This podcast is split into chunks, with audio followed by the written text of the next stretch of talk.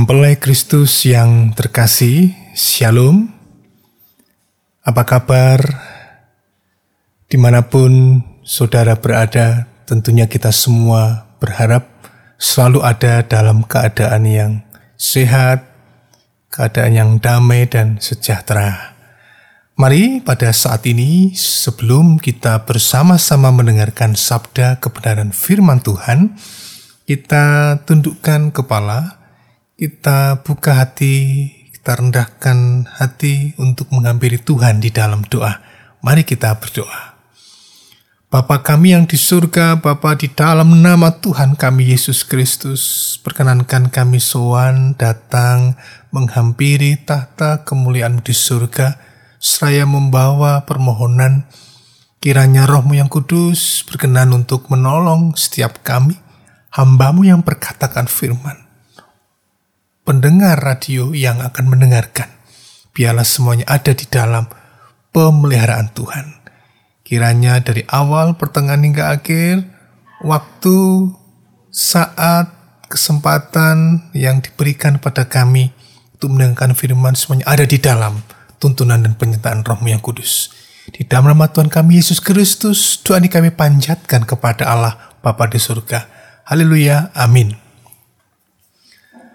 Mempelai Kristus yang dikasih oleh Tuhan, bacaan firman Tuhan yang akan kita baca dan kita renungkan pada saat ini terambil dalam Injil Matius pasal 5 ayatnya yang ke-9.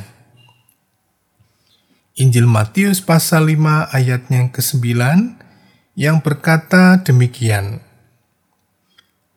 Berbahagialah orang yang membawa damai, karena mereka akan disebut anak-anak Allah.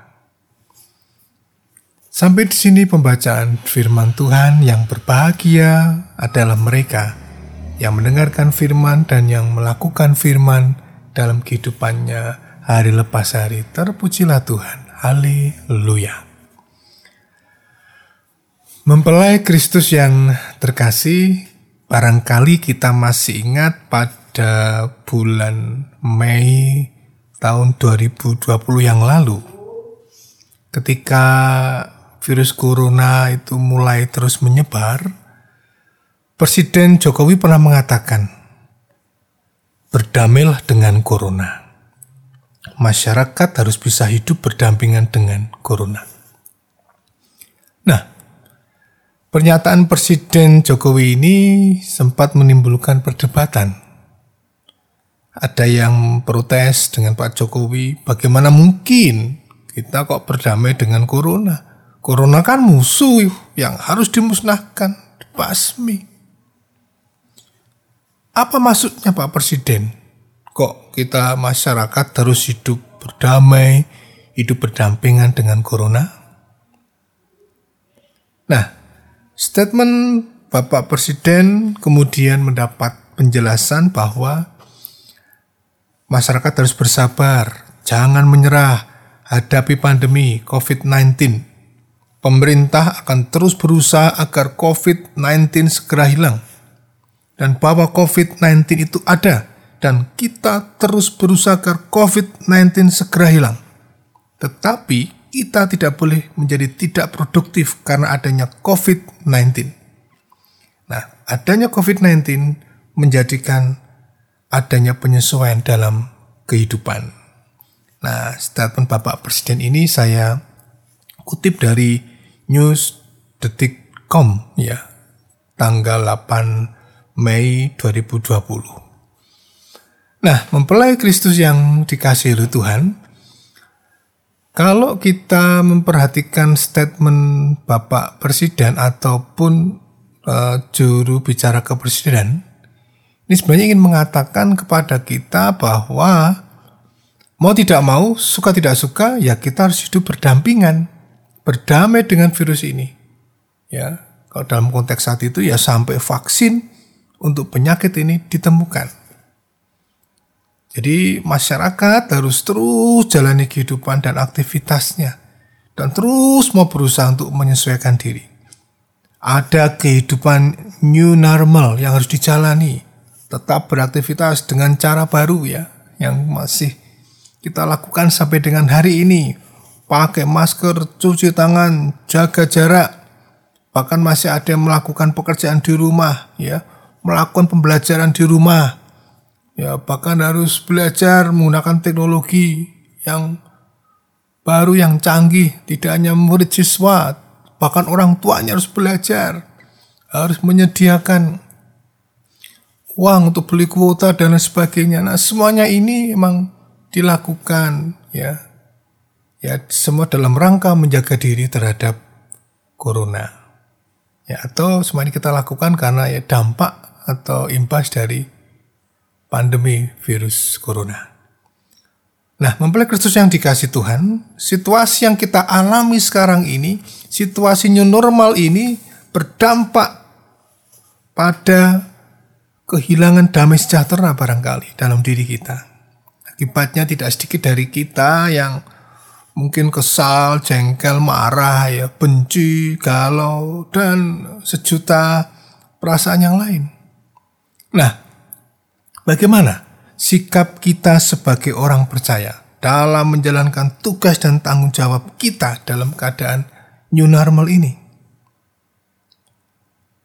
Mampukah saya dan saudara memelihara damai sejahtera di tengah-tengah situasi COVID ini?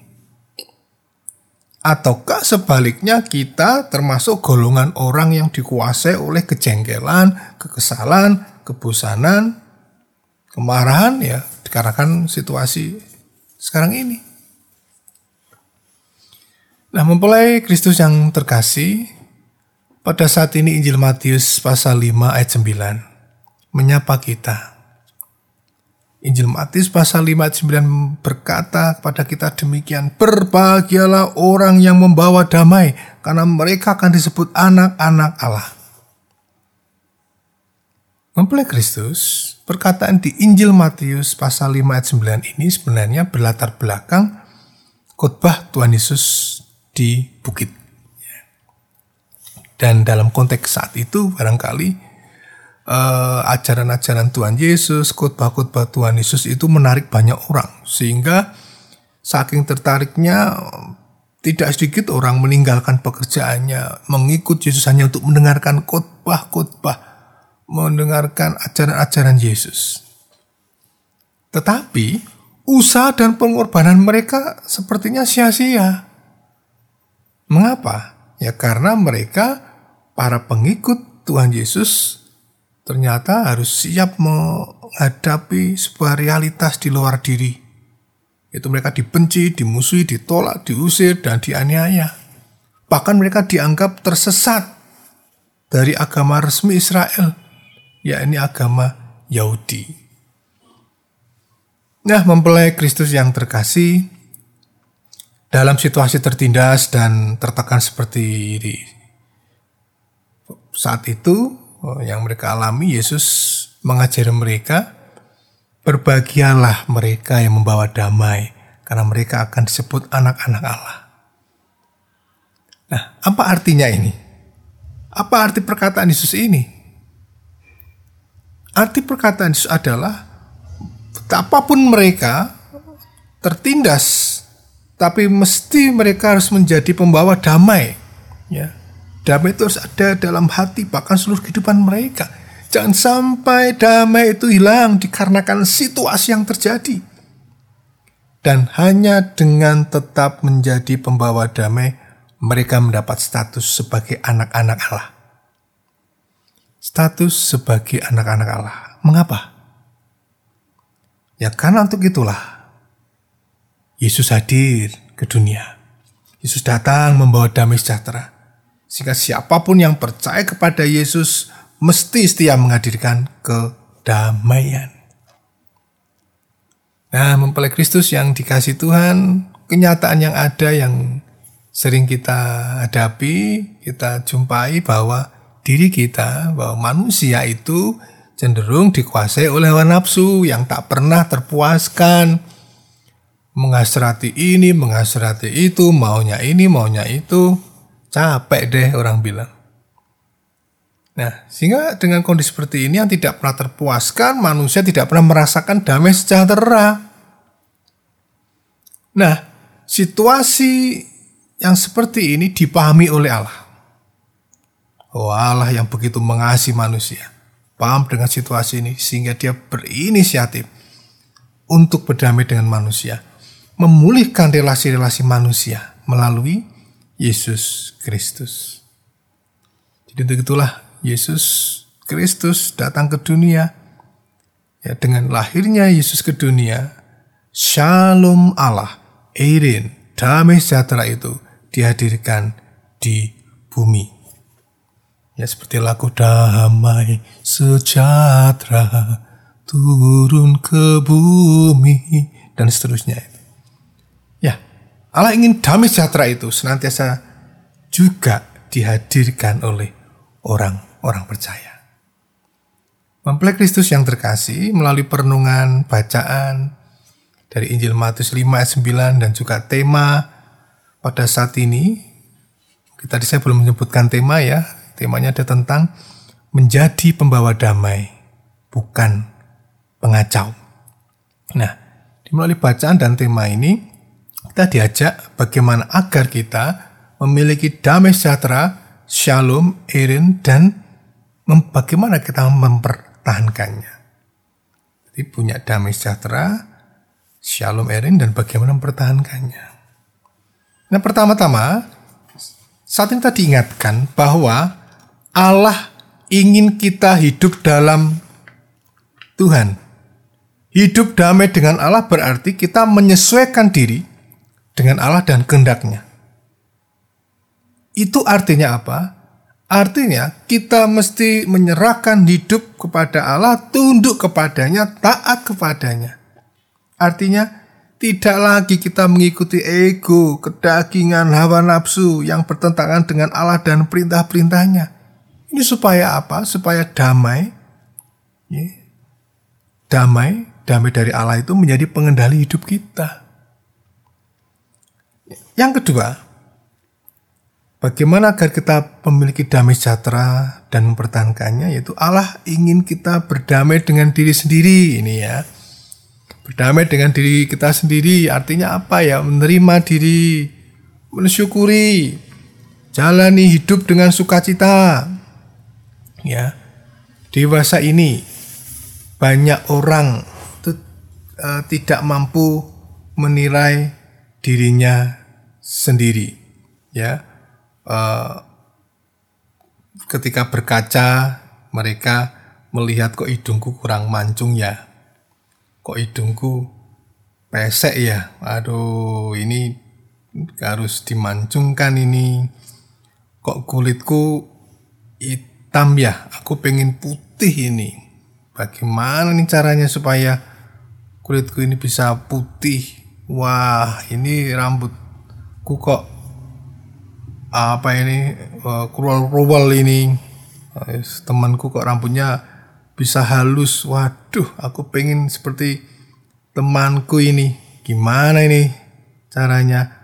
Cari salon bahkan sampai ke luar negeri dan lain sebagainya.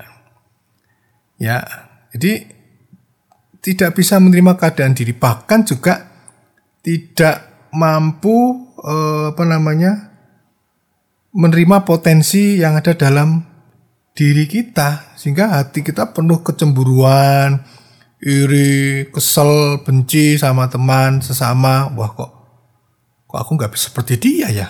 Kok aku cuma segini ya? Ya, akibatnya dari semuanya ini tidak ada damai dalam hati.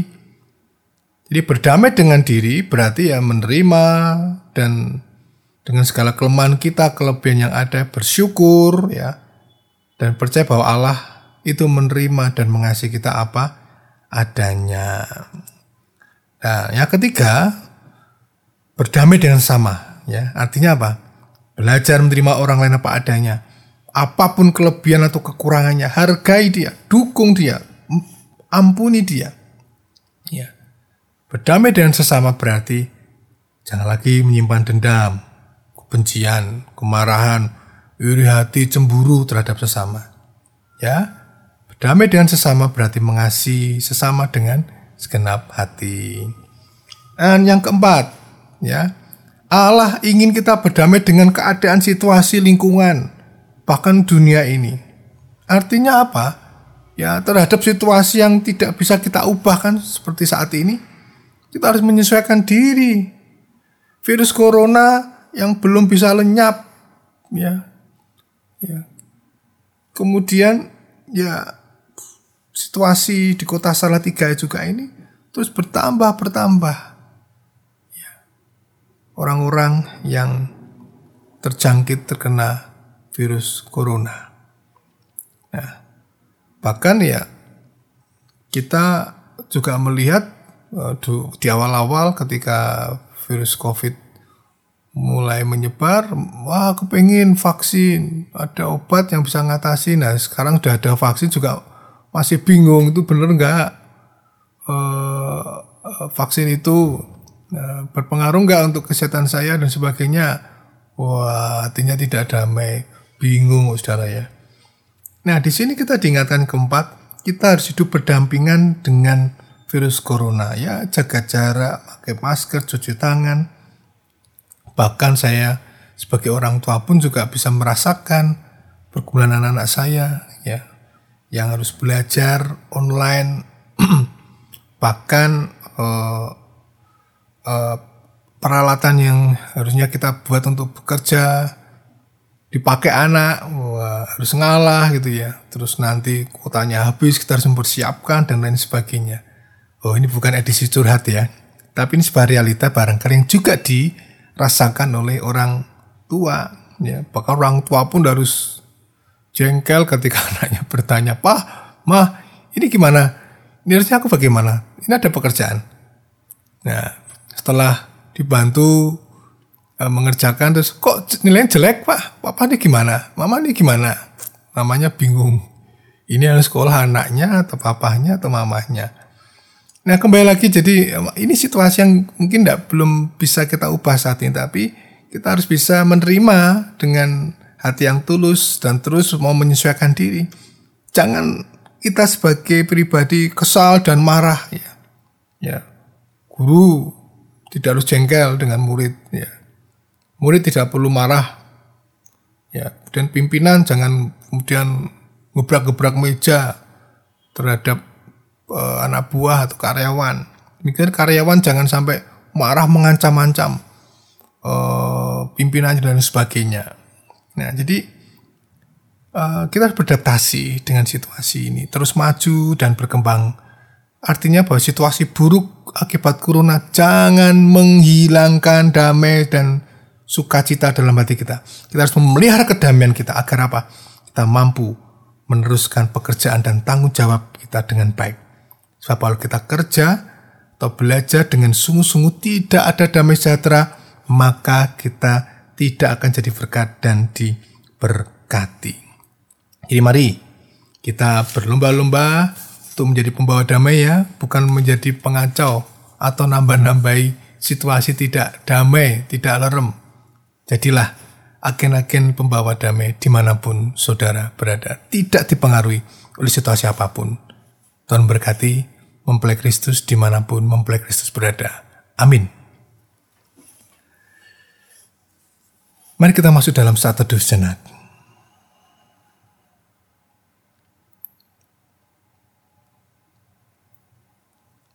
Mari kita berdoa.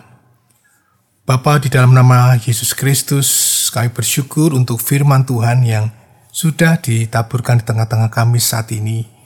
Kiranya para pendengar mempelai Kristus yang ada di mana pun mereka berada boleh dikuatkan, boleh dimampukan untuk mereka tetap bisa mendapatkan kebahagiaan, mendapatkan damai sejahtera, bisa menjaga damai sejahtera kebahagiaan sukacita itu dalam hatinya. Jangan biarkan situasi yang ada COVID-19 ini, 19 ini memberikan pengaruh dalam kehidupan mereka sehingga mereka kehilangan damai dan sejahtera. Kami berdoa ya Tuhan kiranya dalam situasi yang seperti ini kami tetap hidup di dalam Tuhan. Kami tetap belajar menyerahkan hidup kami pada Tuhan, taat pada Tuhan, dan berusaha untuk keluar dari diri, keluar dari kedagingan kami untuk menjumpai kehendak Tuhan. Dan kami belajar Tuhan bagaimana kami juga uh, berusaha untuk berdamai dengan diri kami. Kadang kami belum bisa berdamai dengan diri, belum bisa mensyukuri keadaan diri kami masih ini dan itu masih cemburu, jealous dengan yang lain. Dan ajalah kami untuk selalu berdamai dengan sesama, dan juga berdamai dengan situasi sekarang ini. Kami percaya bersama dengan Tuhan kami bisa untuk melewati segala situasi dalam hidup ini. Terima kasih ya Tuhan, terima kasih. Dalam nama Yesus Kristus, dengan panjatan kepada Allah Bapa di surga. Amin. Demikianlah mempelai Kristus di mana pun Anda berada, kiranya berkat dari Tuhan melalui sapaan firman Tuhan ini bisa memberikan penghiburan, kekuatan, pengharapan bagi kita sekalian. Tuhan memberkati. Amin.